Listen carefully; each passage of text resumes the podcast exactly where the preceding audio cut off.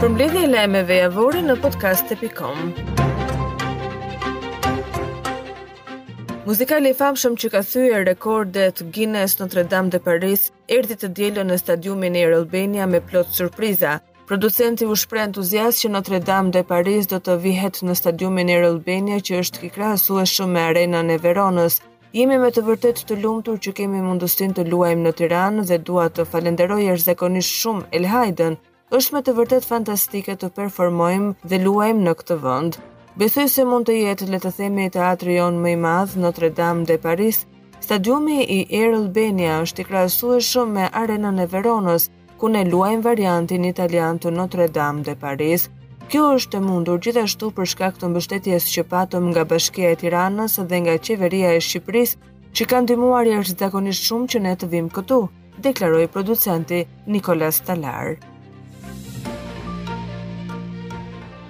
Gjykata e Durrësit ka caktuar masën arrest me burg për Habib Rexhën, autorin e vrasjes së Arjan Gosës, më datë 21 maj brenda një lokali në Kavajë.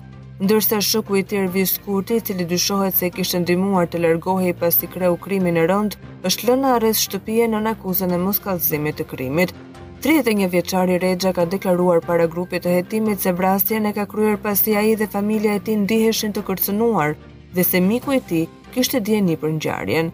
Habib Rexha ekzekutoi me një plumb në kokë Arjan Gosën në një lokal në Kavajë teksa viktima po pinte kafe me të atin, Dy ditë më pas, Habib Rexha u vetëdorëzua në polici ku zgjodhi të tregonte versionin e tij, përse e kishte kryer vrasjen, si dhe për vendin ku kishte fshehur pistoletën. Ngjarja vjen rreth 2 muaj pasi vëllai i Habib Rexhës dhe vëllai i Arjan Gosës mbetën të vrarë pas një sherri banal në Kavajë, ku qëlluan njëri-tjetrin me thikë dhe pistoletë. Ndaj Habib Rexhës është ngritur akuza e vrasjes për motive gjakmarrje si dhe armëmbajtje pa leje. Kryeministri Edi Rama gjatë takimit falënderues në Sarandë u bëri thirrje krerëve të bashkive që të jenë më shumë në gatishmëri të qytetarëve, Kreu i PS-së tha se Ksamili, një ndër pikat më të vizituara të Mesdheut, është plani i punës i cili do të marrë një tjetër përmasë. Do të bëjmë gjithçka edhe për nevojat e infrastrukturës, shërbimeve, gjithçka që Saranda, e cila është një motor i zhvillimit të vendit, duhet ta ekspozojmë këtë potencial shumë të madh. Ksamili është një ndër pikat kryesore më të vizituara të Mesdheut, por nuk e kemi trajtuar akoma me gjithë forcën. se gjërat bëhen me radhë, por kemi tani më në planin e punës ndërhyrje të rëndësishme edhe në Ksamil. Policia e Lezhës asgjësoi 3000 rrënjë kanabisi, bimët narkotike u zbuluan në fshatin Ungrej gjatë kontrolleve të ushtruara me dron nga ana e uniformave blu. Sipas policisë, rrënjët e kanabisit ishin mbjellë në kubik dhe ishin gati për t'u kultivuar në zona të tjera nga ana e trafikantëve. Kanabisi u dogj nga ana e agjentëve të antidrogës, ndërsa vijon puna edhe për identifikimin dhe kapjen e personave të përfshirë në këtë aktivitet kriminal. Më herët uniformat blu gjatë kontrolleve të ushtruara në këtë qark asgjësuan 849 fidan kanabisi të tjera, ndërsa dy persona u arrestuan. Për të gjitha këto raste, materialet procedurale i kanë kaluar prokurorisë për veprime të mëtejshme. Ish kreu i Partisë Demokratike Lulzim Basha gjatë një takimi me të rinj dhe të reja të Shkodrës e ka zbuluar se u tërhoq nga kryesimi i të djathtës dhe arsyet e rikthimit në politikën aktive.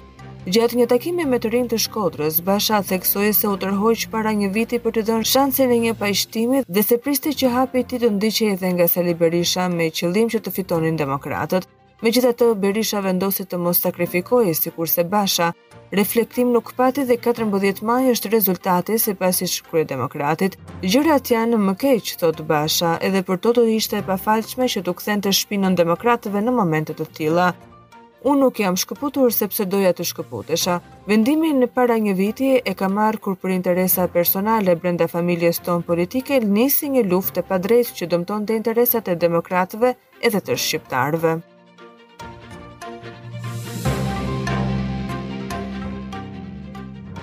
Mbrëmjen e së enjtes në derën e një fasonerie u aktivizua një sasi më pak se 100 gram lëndë plasëse duke shkaktuar dëme materiale në derë dhe në fasadën e jashtme dhe në një mjet të parkuar. Kamerat e sigurisë në zonë kanë kapur autorin teksa vendos lëndën plasëse. Ai është i maskuar me një skafandër dhe lëviz me një biçikletë të bardhë. Pasi vendos eksplozivin largohet me shpejtësi nga vendngjarja. Kjo nuk është hera e parë që biznesi i italianit ka qenë objektiv i sulmeve me eksploziv. Më datë 5 maj të këtij viti dyshohet se të njëjtët persona kishin vendosur një sasi eksplozivi në derën e biznesit, por ai nuk u aktivizua. Pronari bëri kallëzim një ditë më pas, por ngjarja mbeti e pazbardhur, çka solli ngjarjen e dytë e cila po ashtu ka mbetur pa autor. Presidenti i Shqipërisë Bajram Begaj i shoqëruar nga zonja e parë Armanda Begaj ka nisur një vizitë dy ditore në Itali ku u prit me nderime krejt të veçanta nga homologu i tij Sergio Mattarella. Kjo është vizita e parë e presidentit në një prej vendeve të Evropës Perëndimore, por edhe një konfirmim i një dialogu shumë më të mirë politik dhe në nivele më të larta midis dy vendeve. Pas ceremonisë së rastit, Begaj dhe Mattarella zhvilluan një bisedë kokë më kokë dhe më pas kryesuan delegacione zyrtare në një takim të zgjeruar. Gjatë takimit të zgjeruar midis dy delegacioneve, lideri shqiptar vlerësoi marrëdhëniet historike dhe tradicionalisht miqësore midis dy vendeve, solidaritetin dhe gjendjen pranë njëri-tjetrit në momentet më të vështira dhe delikate në pjesën më të madhe të historisë së dy popujve.